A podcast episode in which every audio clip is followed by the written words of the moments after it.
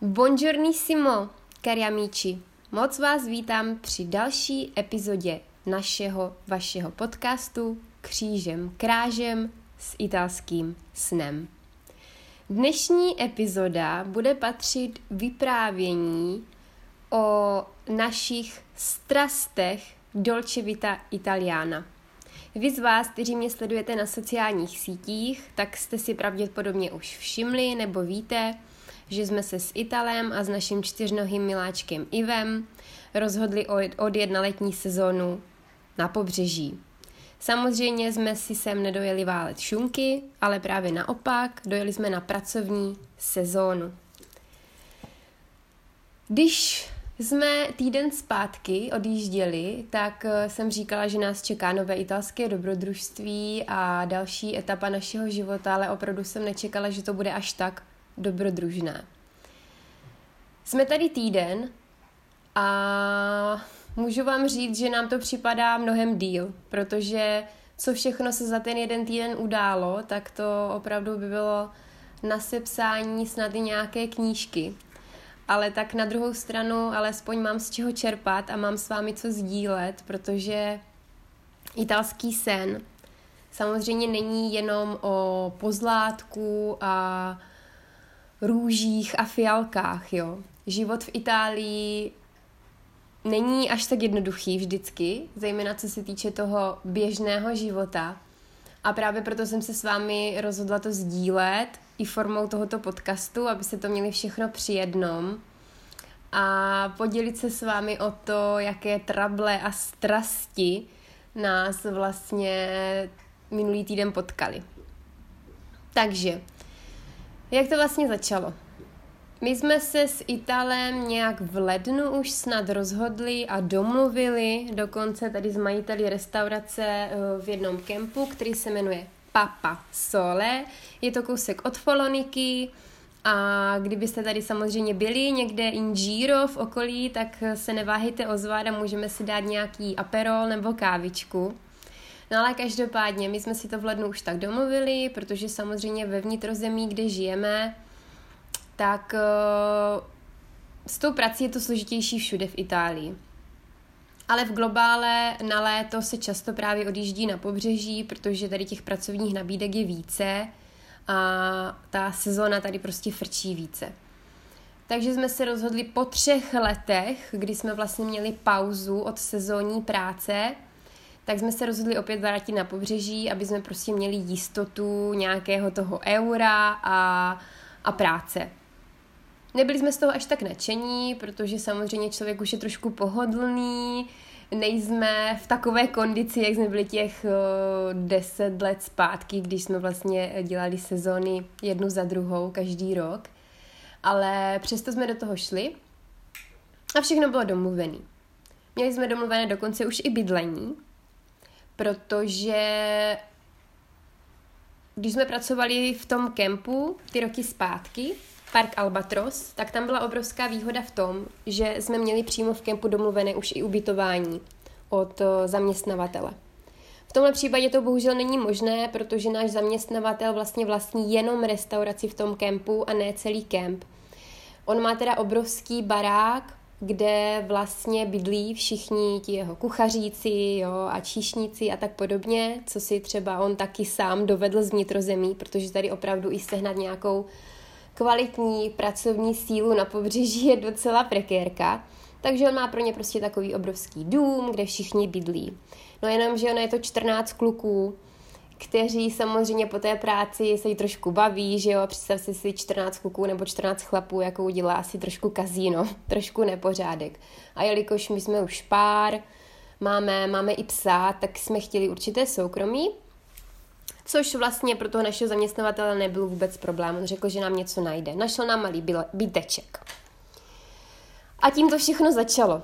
Šlo o malinký byteček, který teda jsme z toho byli docela nervózní, když jsme to viděli jenom na videu, protože jde opravdu o malinkou garzonku, je to vlastně předělaná garáž, nebyl tam vůbec ani žádný prostor venku, takže jsme měli trošičku strach, jak to bude vlastně náš Ivo zvládat. Uh, on je s námi taky chvilku, necelé dva měsíce, co jsme si ho vzali z útulku, takže si stále ještě na spoustu věcí zvyká.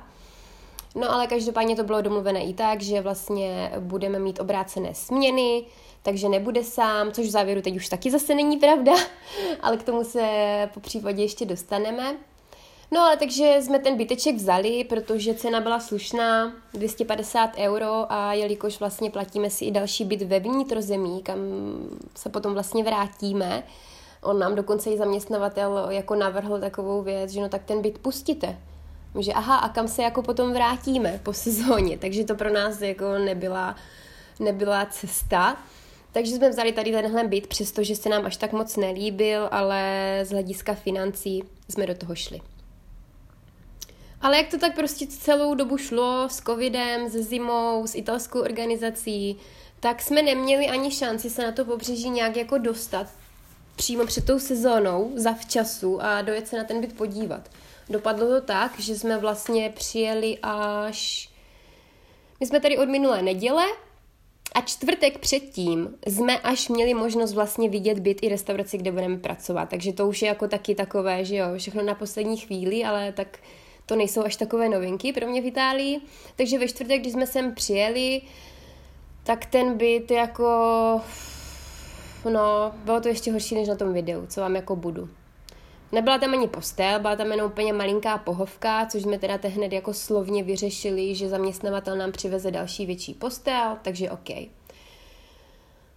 Paní majitelka bytu Což jsme teda časem vlastně zjistili, že není ani majitelka, ale to drama teprve přijde, počkejte si, počkejte si. Tak paní majitelka byla jako strašně milá paní, nevím, kolem 60 let, ale strašně upovídaná. Ale taková ta upovídaná, která prostě začne jako kafemlejnek, jo, a už nepřestane. To nám taky hned potom ten majitel říkal, že no, tak téhle to budete mít zajímavé, to se asi jen tak nezbavíte. Tak já už jsem jenom jako protáčela panenky, protože já jsem hodně přátelská a komunikativní, ale každopádně chci mít i tady trošku svého soukromí. A když mi paní řekla, že jako takový menší detail, že ona má vlastně pračku jenom dole, že si k nám bude chodit prát, jako když prostě bude potřebovat a tak, tak já jsem jí na to hned odvětila, že to teda jako nevím, jestli bude docela dost dobře možné, jelikož máme velikého psa a pro paní to nebyl vůbec žádný problém, jo no, no, no, per me, io so felice. Ona byla strašně šťastná, protože měsíc zpátky umřel její, její německý uh, vlčák, ale každopádně uh, já jsem z toho až tak nadšená nebyla, jako ono nejde jenom o toho psa. Za prvé eh, nechci, aby chodila za mým psem, když tam nejsem a asi už vůbec se mi nelíbí, aby chodila do bytu, když my tam jako nejsme. No jenže paní jako neviděla nějak cestu ven z toho, že by třeba řekla ne, tak ne, tak já si to nějak vyřeším. Ne, takže nakonec to dopadlo tak, že já jsem musela souhlasit s tím, že, že já teda budu dopoledne stejně doma, takže kdykoliv bude potřeba, tak si může dojít zaťukat. A už jsem z toho byla taková jako mírně otrávená, protože už jsem věděla, jak to jako bude vypadat ta sezóna. No a jako dobrá pecka přišla, i když mi paní řekla, že vlastně sporák s troubou, které tam v té mini bytě jsou, že jsou spíše jenom na okrasu, protože tam prostě není zavedený plyn.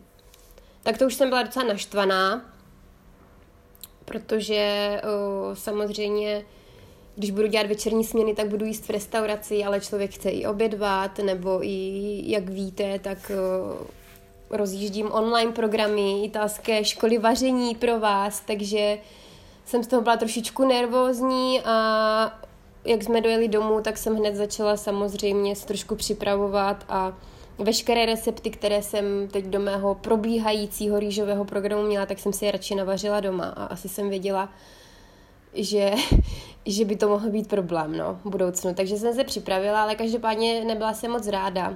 Navíc ten byt, když jsme tam přijeli, tak to byl prostě jako by byt někoho, jo.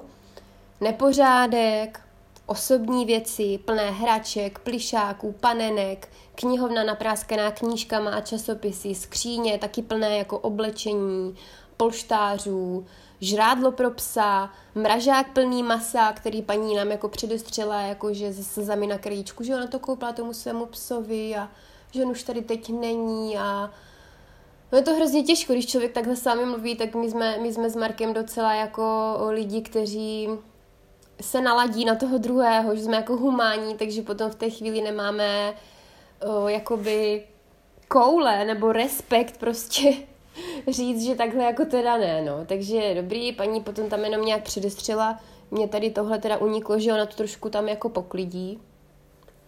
Já jsem to neslyšela, protože kdyby tahle konverzace proběhla za mé přítomnosti, tak bych se s paní asi možná domluvila samozřejmě ve slušném stylu, ale prostě bych jí řekla, že si nepřeju, aby tam všechny ty věci byly. No jenže co se nestalo, stalo se to, že my jsme teda ve čtvrtek odjeli domů a v neděli jsme měli už jako s kuframa se sem vydat na stálo. V neděli ráno jsme právě psali ještě schválně majiteli, jestli teda ta postel už tam je, jestli můžeme přijet, protože když ne, tak vlastně nebudeme mít kde spát. Řekl, že postel je zařízená, že všechno je v richtiku, v richtiku.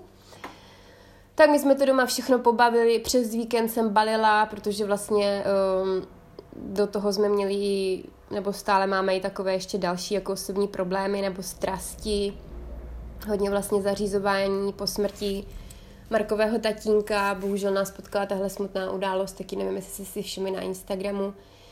Takže jsme toho měli trošičku tak plné brýle už před tou sezónou, ale každopádně jsme se hecli, já jsem přes víkend všechno pobalila a se slzami na krajíčku jsme odjeli na pobřeží.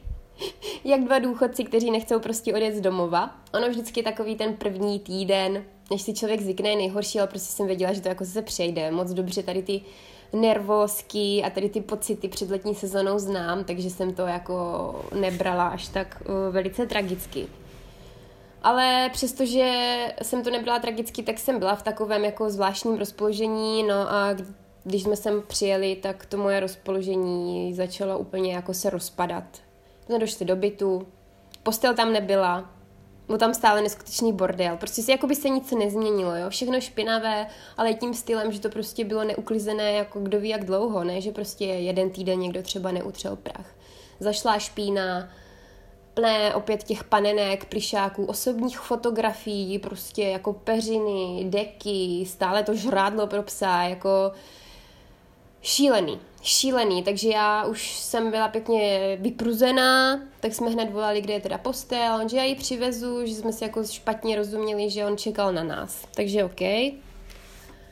Tak my jsme s Markem teda se zatnutýma zubama a už z nervy na krajíčku začali půjírovat eh, špínu někoho jiného. Já teda nevím, jak to vidíte vy, ale já pokud jdu do pronájmu nebo pokud bych někomu nabízela pronájem, tak bych eh, prostě ten byt eh, dala v takovém stavu, v jakém bych si ho přála najít i já, jako uklizený a prostě volný pro mě. Já nevím, co si ta paní představovala, že půl roku my budeme mít věci v kufrách, nebo navíc vlastně ona to je i garáž, takže tam byla taková malinká místnost, kde byla vlastně kuchyň, ta trapná pohovka, uh, nějaké skříně, televize, pračka a malinká koupelna a vedle vlastně jakoby zadní vstup do garáže, kde byl i obrovský prostor, kde by se to dalo krásně využít, buď jako na skladování věcí, nebo klidně, když si otevřete ty garážové dveře, tak si tam udělat prostě nějaké posezení jakože s výhledem ven, protože tam opravdu, jak jsem říkala, tam nebyla žádná předzahrádka, nic, byli jsme ve městě, takže aby jsme měli aspoň trošičku toho prostoru a vzduchu přes léto. No ale ne, protože ta garáž, garáž byla zabordelařená takovým stylem, že se vlastně jí nedalo ani projít. Takže prostě jako úplně katastrofa, no. No ale počkejte, teď se teprve blížíme k jádru pudla našeho tragikomického příběhu. Kolem desáté nám teda dovezli postel.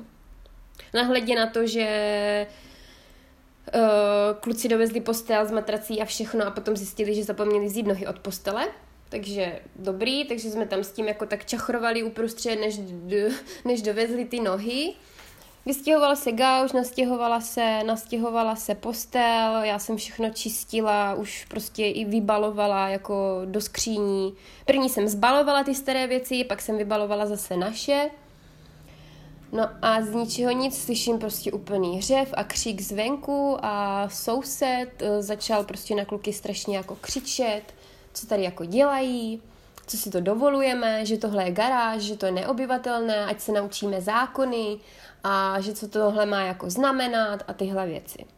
Tak kluci jako zůstali jenom koukat a že teda pánovi řekli za prvé, že se s nima nemusí bavit tímhle neslušným způsobem a že za druhé by bylo asi vhodné, aby se spíš pobavil s, jako s paní majitelkou bytu.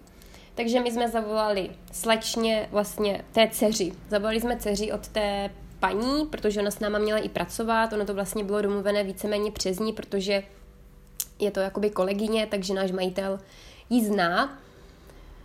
Uh, ona teda došla dolů, byla strašně překvapená, že většinou tady s tímhle sousedem nemají nikdy žádné problémy, že prostě už dva roky zpátky tam bydlel její přítel na sezónu, takže jako nechápe, kde je problém, takže šla nahoru a hádali se tam do půl dvanácté v noci. My jsme tam seděli jak oukropci, cítili jsme se jak kriminálníci, jenom jsme tam prostě slyšeli, jak mluví, jakože co to má znamenat, že nějaký kluk s holkou, ještě s velkým psem, že no to teda úžasné, že kdo ví, co jsme zač a takové tak to jenom ona taky jako předestírala o, tím stylem, že co si to jako dovoluje, bavit se takovým stylem o lidech, které ani nezná, jí tam vlastně říkal, tebe znám, ty jsi milá, pěkná, ty jsi kočka a to ona říká, no a co to jako znamená, že jako kdybych byla tlustá, škaredá, tak mi budeš dělat taky problémy, jakože pán prostě uh, byl hodně, hodně naštvaný, no.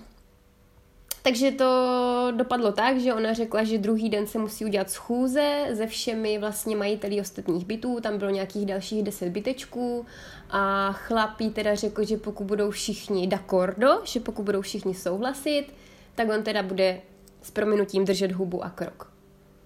No ale co se nestalo?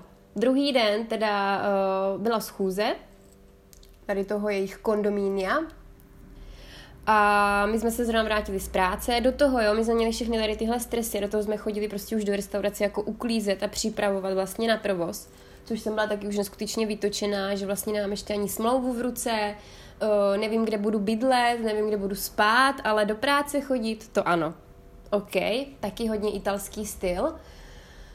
No a my jsme se teda vrátili o půl sedmé unavení z práce a před naším bytem byli všichni tady ti lidi a prostě se tam o nás bavili. Křičeli.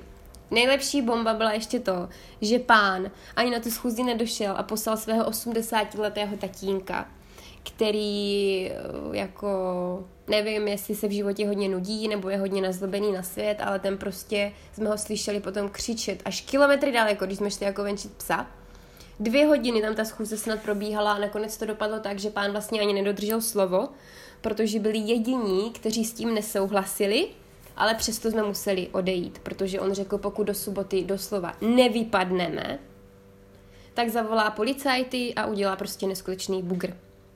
Seč nám řekla, že to strašně mrzí, že prostě zkusila všechno, že jako i naštvaná, že vlastně řekla, dobrý, tak vy jste teď nedodrželi ani slovo, na co jsem tu schůzi jako dělala, bla, bla, bla musíme se vystěhovat, protože oni měli strach z toho, že ono totiž takhle, jo, ta garáž je sice přidělaná na byt, ale ne úředně, ne legálně, ono to není nahlašené nikde na matrice, nikde na katastru, uh, není to vlastně ani obyvatelné, protože tam nejsou ani okna, takže uh, by z toho mohla mít pěkný problém. A nejen ona, protože samozřejmě ty garáže takhle tam využívají všichni.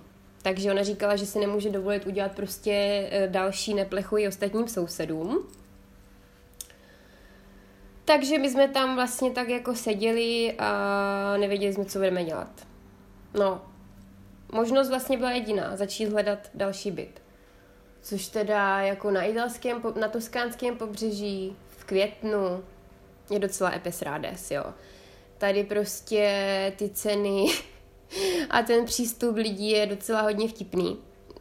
Nevím, na co se tady jako hrajou. Přijde mě to trošku přitažené za vlasy. A no, já vám to hned povím. Tady ty detaily ohledně cen a nabídek ubytování. Takže jsme byli vyhoštěni. A druhý den, já už jsem měla jako neskutečnou chuť se zbalit a domů, jo. Marko taky, už vlastně od toho prvního dne. Uh, to bylo takové všechno strašně zajímavé a jako na nervy. No ale druhý den ráno jsme teda... Jo a ještě dobrá byla pecka. Já jsem si teď vzpomněla, že z té paní vylezlo, že oni vlastně ani nejsou majitelé, jo. Oni jsou jenom v pronájmu. Ta garáž je v pronájmu, všechno je v pronájmu, ale oni si tam dělají takové věci, no. Tak já teda nevím, jestli jsem spadla z Marzu já nebo paní, ale nevím, jak je to vůbec napadlo nějaký takový byt nám jako nabízet. Nebo aspoň to mohli udělat tím stylem, podle mě, že ty sousedy mohli varovat a zeptat se jich jako dopředu. A ne až eh, dva chudáci ze psem dojedou s kuframa stovky kilometrů daleko eh, na pracovní sezonu a potom vlastně se najdou v takové situaci, jo. Jakože chápete, docela takové zvláštní, no. Paní se už potom ani moc neukázala, protože se strašně styděla. Takže jako vtipný, no. Druhý den ráno jsme došli do práce a náš šéf hned, že jedeme do auta, jdeme prostě hledat, že dokud nenajdeme ubytování, tak, tak nepokračujeme dál, že tohle prostě nejde, vám to ubytování musím najít. Je fakt, že on se jako strašně snažil, on je, je to mladý kluk, hodně mu na tom záleželo, chce samozřejmě, aby jsme s ním pracovali a bere to jako svou povinnost. Byla to samozřejmě trošičku taky jeho chyba, já jsem byla naštvená i na něj, protože on to domluvil, domluvil to špatně a spousta věcí se tady domlouvá takovým laxním způsobem, že často lidi se potom opravdu najdou in merda, když jámo, jo? No, takže druhý den jsme vyrazili. A jako byla to pecka, byla to pecka, protože už ještě před tou schůzí my jsme tak nějak tušili, že tohle asi neprojde, že tam nezůstaneme, takže jsme začali obvolávat. Ona to totiž není naše první pracovní sezóna na pobřeží, jak jsem říkala, my jsme se mi zdívali roky, známe tady hodně lidí, známe okolí, takže jsme začali prostě fakt jako rozhazovat sítě. Moc děkuju i některým z vás, který, kteří jste mi jako pomohli to sdílet a dokonce jedna z vás mi nabídla i tady dům v Toskánsku na měsíc, takže vám za to strašně moc děkuju, že, že jste dali ruku k dílu že jste se přičinili a že jste se mnou soucítili, že jste mi posílali krásné podporující zprávy, fakt si to strašně moc vážím. No ale fakt to nebylo jednoduché, no. Nevím, kolik lidí jsme volali, jako stovky, stovky.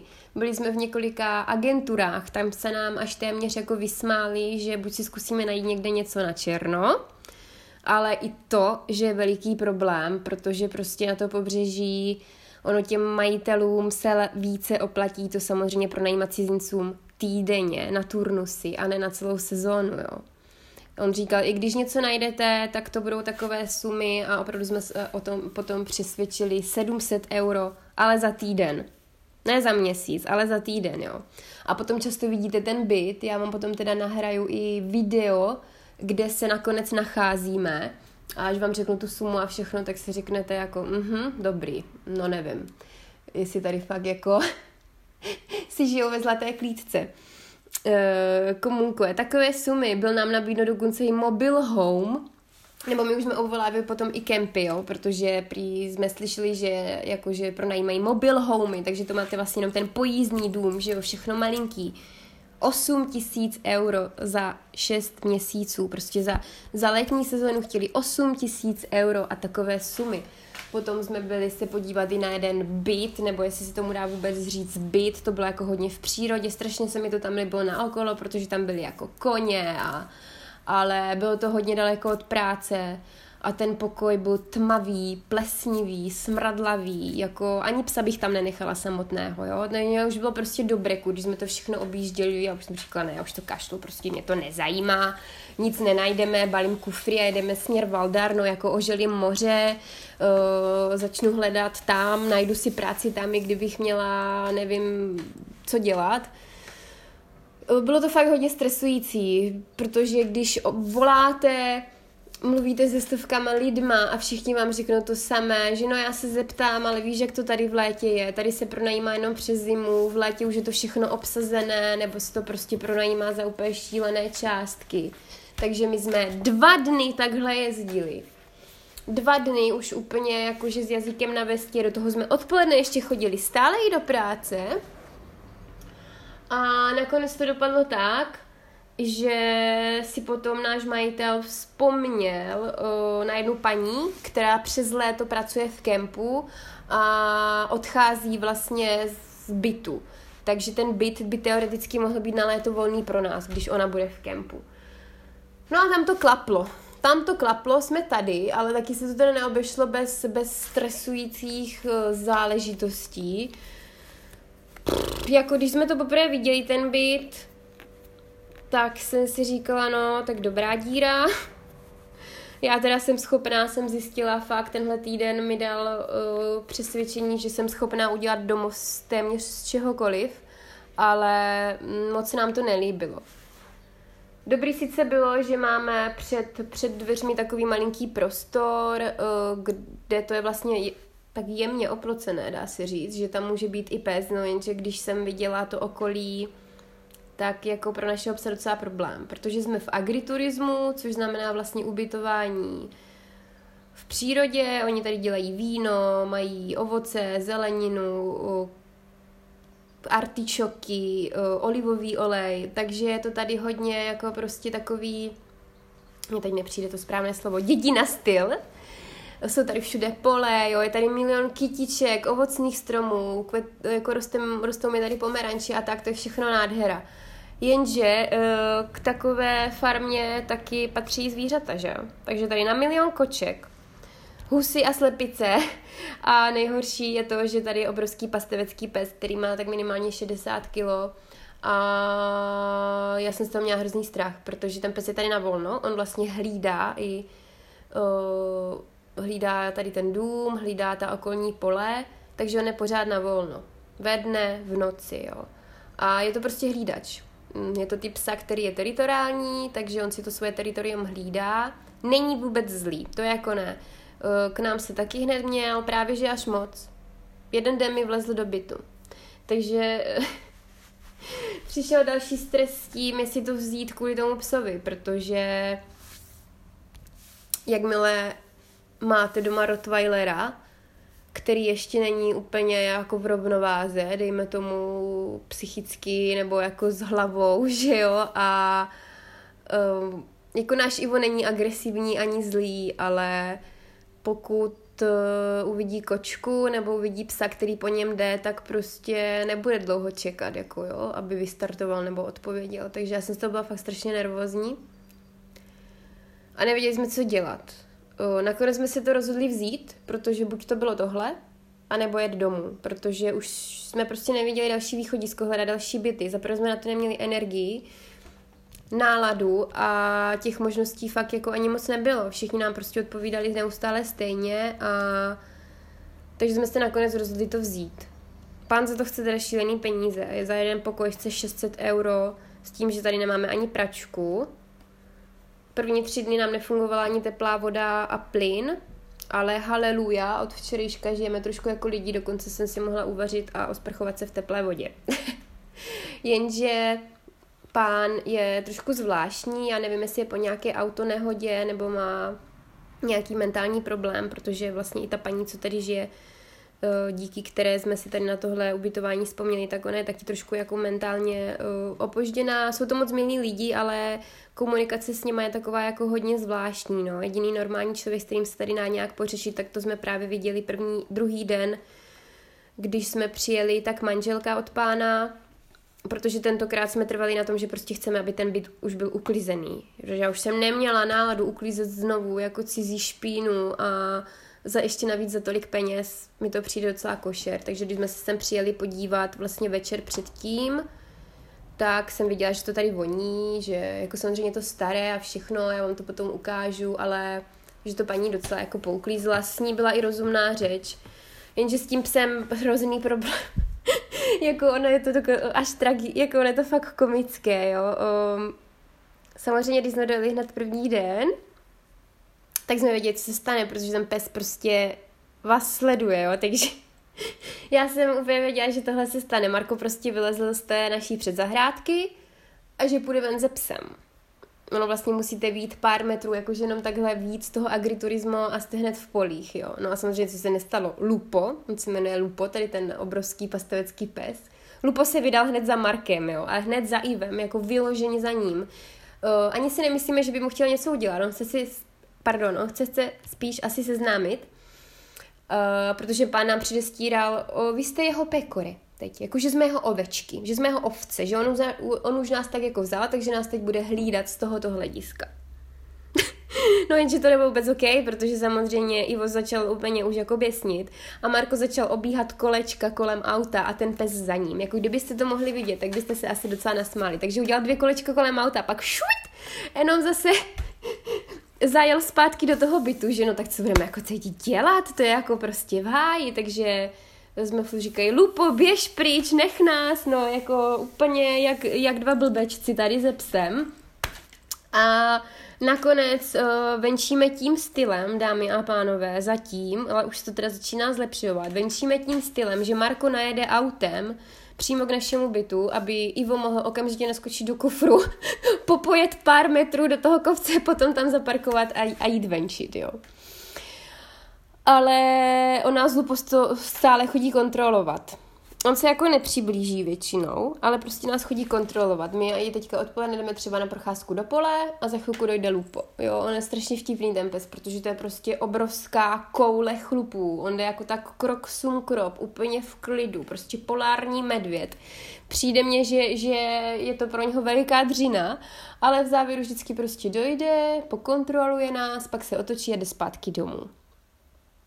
Ale někdy to musí jít tím stylem, třeba jako včera, že když jsme byli v poli, tak Lupo se nechtěl vzdálit a stále se k nám přibližoval. A prostě my máme strach z toho hlediska, že když ten pes je na volno a přijde k nám a jakože střednou se s Ivem a náhodou jeden z nich zavrčí nebo něco, tak jdou prostě do sebe a co budeme potom dělat?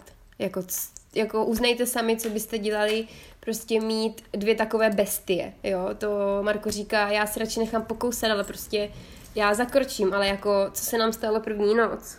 Já jsem dostala malém infarkt. Jako fakt, ještě teď mě buší srdce, měla jsem z toho malém panickou ataku, jako začínala jsem si připadat jak hysterka. Ale my jsme hned tu první noc vyšli teda zase, že jdeme venčit. Opět jsme to udělali tím stylem, že jsme teda zaparkovali nahoře a šli jsme do polí v noci. To jsem teda hned Markovi řekla, že tam večer večer prostě chodit nebudeme, že mám strach, že tam je strašně moc divočáků. On právě i pán říkal, že on schválně chodí i kontrolovat lupo do polí, protože prostě zabíjí divočáky a jako odstrašuje zloděje a tady tyhle věci. Musím říct, že svou práci dělá velice dobře, protože každý den ho slyšíme štěkat. Dokonce včera se mu něco i nelíbilo, protože úplně vystřelil do pole, prostě nevím, jestli tam byl divočák, nebo jestli tam někdo jim šel prostě na, na úrodu. No ale on jakože tu práci dělá velice dobře. No jenže co se nestalo tu první noc, on nás došel pokontrolovat a my jsme to prostě nevěděli, že tohle jako ještě dělá. A my jsme byli v té tmě, v tom poli. Já jsem byla už prostě i tak jakože docela zacíkaná, že se měla stres těch divočáků. Ivo byl samozřejmě taky mega edgitáto, jakože nebyl vůbec v klidu, protože taky když psa vezmete v noci do, do pole, kde to navíc nezná a cítí jako jo všechno, prostě psi to cítí, že tam prohání zvířata, cizí prostor, navíc cítí i stále tady toho psa. My se otočíme a já v dálce vidím dvě svítivé oči. Tak to jsem si málem první fakt jako cvrkla, že jsem si myslela, to je divočák, anebo co to je. A pak jsem zjistila, že to je lupo, že to je ten pes. A to jsem se vůbec ale neuklidnila. Právě naopak, protože to byla fakt první noc a my jsme prostě nevěděli, co s tím psem máme dělat. A on šel prostě k nám. Říkám, no tak to je v prdeli, co budeme, jako, pardon za výraz, ale co budeme prostě dělat. Takže jsem me začali mírně hysterčit, furt jako lupo, vaj via, běž pryč, běž pryč. Já jsem k němu ani nechtěla jít, protože to byla fakt první noc a jsem ještě prostě nevěděla, jak ten pes na mě bude reagovat. Měla jsem jako fakt strach. Řeknu vám, že jsem se dlouho takhle nebála. No a my jsme nakonec zavolali tomu pánovi, že prostě tam stojíme uprostřed pole ze psem a že druhý pes je kousek od nás na druhé straně a civí na nás. A to vás taky zrovna neuklidní, jo? když vidíte 60 kilového psa, který tam prostě na vás civí a civí a civí a ani se nepohne. Takže my jsme zavolali tomu pánovi. On se nám úplně vysmál samozřejmě. Za prvé tady ani není, on tady nebydlí v noci, tady bydlí jenom babička, takže pes hlídá babičku a všechno tady tohle. On říká, no on prostě hlídá, jakože on vás bere jako ty ovce, jako ty pekore, takže on vás došle jenom pokontrolovat, on za chvilku půjde pryč. A Marko říká, aha, jsem myslel, že bys to třeba zavolal z okna, nebo tak, on že ne, že tady jako ani nejsem, že... A smál se nám, jako strašně mu to přišlo vtipné, jako jo, říkám, no dobrý, Marko říká, ještě jednou se mě vysměje, tak já mu normálně dám asi tečku, nebo nevím, no ale tak my jsme tam čekali v tom poli prostě. A z ničeho nic se Lupo teda otočil a šel dom. Šel domů, my jsme rychle doběhli k autu, popali jsme těch pár metrů jako komedianti k našemu bytu, no a co se nestalo, že? Lupo nás tam čekal samozřejmě u baráku. A já jsem potom otevřela, že jsem chtěla, aby šel pryč, otevřela jsem dveře, ať Marko prostě může zase vyložit a naložit psa do bytu. No a co se nestalo? Lupo se rozhodnul, že, že půjde k nám jako na návštěvu, takže O půl jedné ráno my jsme tady stáli před naším bytem s Rottweilerem v ruce a čekali, až tady ten 60-kilový malamas prostě si očuchá náš byt. My jsme ho nechali si to dělat, protože ve psech se trošičku jako vyznáme, takže jsme věděli, že on si to tady chce prostě nám pokontrolovat, zjistit, že tady je teda Ivo a hned šel pryč.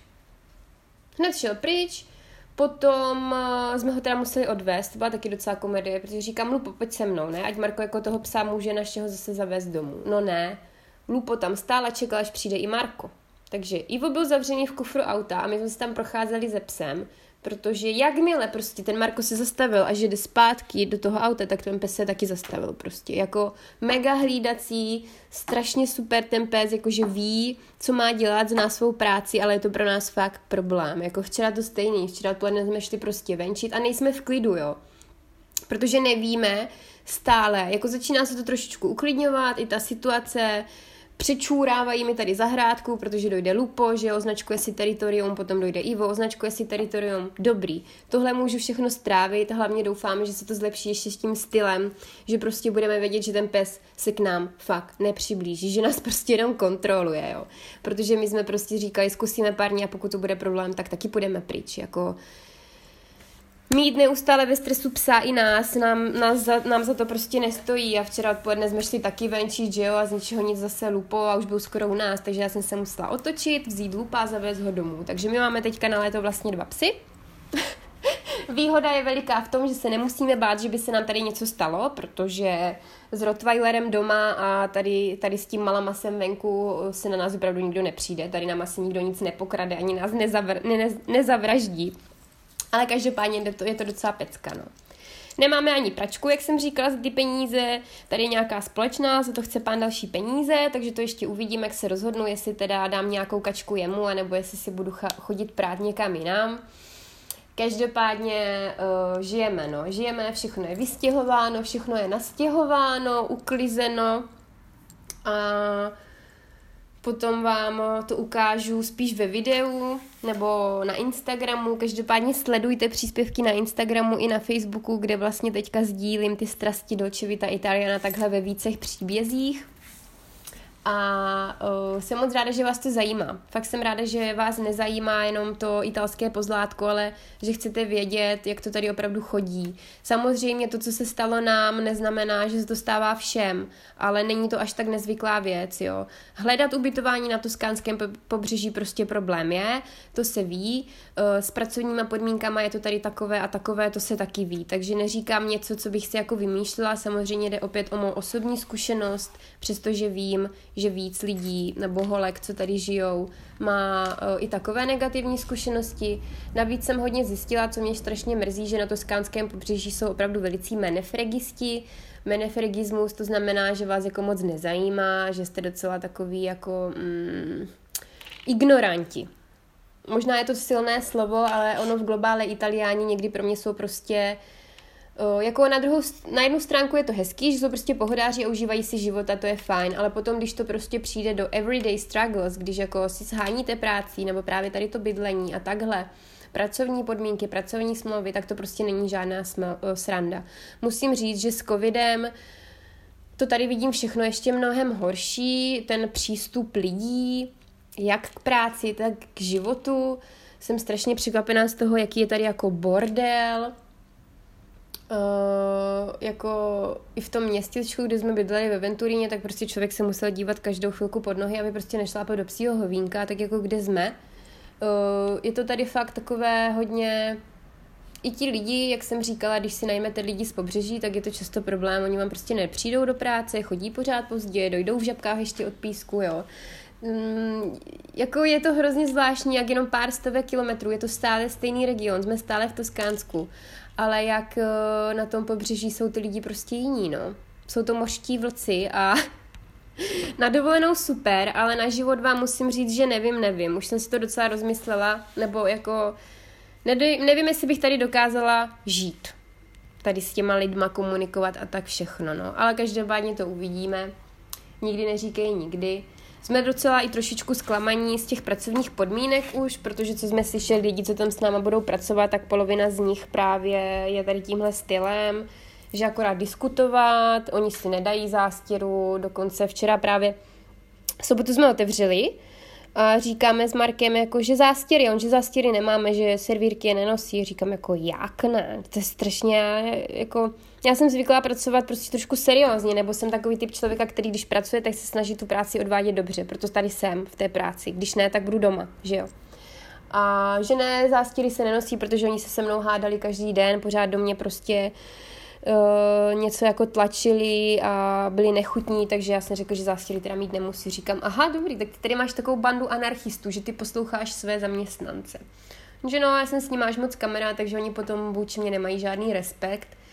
A co jsme jako slyšeli, taky, že, že ta naše kolegyňka, co je za barem, tak e, je nějak 20, jo, mladá, mladá kočka, tak taky, že chodí do práce opilá a několikrát usnula na záchodě a holky chodí do práce v mini sukních a v žabkách, takže jsem strašně zvědavá, co nás tady čeká. Jestli to zase neoddru všechno já, ale snažím se teda nalaďovat trošku tady do toho jejich stylu maremáno, že tady jsou maremány na pobřeží a uh, brát to trošku jako víc free, no, tak uvidíme. Jsme také zklamaní z toho, že už zase uh, to vypadá nebo vypadá takhle. My jsme věděli, že prvních, první dva týdny, než odstartuje třeba červen sezóna, tak té práce bude míň, jo. Ale už teďka z něho vylezlo, že vlastně na první měsíc nebudeme mít ani pořádnou smlouvu, dostaneme jenom akiamata, což je něco jako brigádnická smlouva na zavolání, takže z toho vám vlastně potom neplynou ani žádné příspěvky od státu, nebo to je, jak kdybyste nepracovali, takže to je moc hezký. Já teďka tady celý týden asi nepůjdu ani do práce, nebo uvidíme, první sobotu, v sobotu to začalo fakt hezky s tím, že já mám vlastně domluveno, že budu dělat jenom večerní směny, protože vlastně pracuji i takhle online, takže abych měla čas i na další věci. On mi sám řekl, řekni mi, jak chceš pracovat, Míšo, eh, Řekni mi, jak chceš pracovat, vím, že ty máš ještě další práci, takže když jsem mu samozřejmě předestřela mé podmínky, tak se mu to nelíbilo, že jsem mu řekla, že chci pracovat jenom večer a mít aspoň jeden den volna, tak on den volna nedává. No a začalo to hned tak, že v sobotu první směna, první pracovní den mě vytáhli z postele, telefona, tukání na dveře, že prostě musím přijít i teď dopoledne. Že mají strach, že bude moc lidí. Takže jsem udělala hned první den celou směnu, celý den, pranzo čéna, oběd večeře a už jsem byla pěkně otrávená. No ale včera už jsem do práce zase nešla, takže, takže uvidíme, jak to bude dál pokračovat. Ale aspoň mám zatím stále čas na vás, což jsem ráda. Samozřejmě je to trošku takové jako vtipné, že jsme sem přijeli s velikým humbukem a v závěru nepracuju, ne, nevydělávám, ale tak OK. Myslím si, že když jsme přežili tohle všechno, tak přežijeme už tu sezónu. A já vás samozřejmě budu o všem informovat.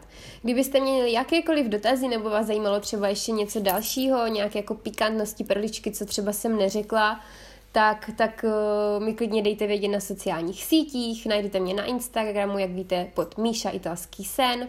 Na Facebooku mám taky stránku i skupinu Italský sen, Italský sen na druhou. Jsem mnohem teda více aktivní na tom Instagramu a uh, postupně nahrávám i další nová videa na YouTube kanál, který se taky jmenuje Italský sen a samozřejmě můžete klidně napsat i na mail, který najdete na webu, nebo si můžete stáhnout něco na mém webu www.michaelasticová.cz a tím se vlastně potom zařadíte do mé mailové databáze, kde já posílám italské zpravodaje. Teďka během léta to teda budou spíše pohlednice od toskánského pobřeží, informuju o všech novinkách a pikoškách z Dolce Vita Italiana a samozřejmě, jak jsem říkala i na začátku, teďka mi běží rýžový program, kde se s mýma milýma itaholičkama učíme italská krémová risota, toskánské moučníky z rýže, je to strašně krásný.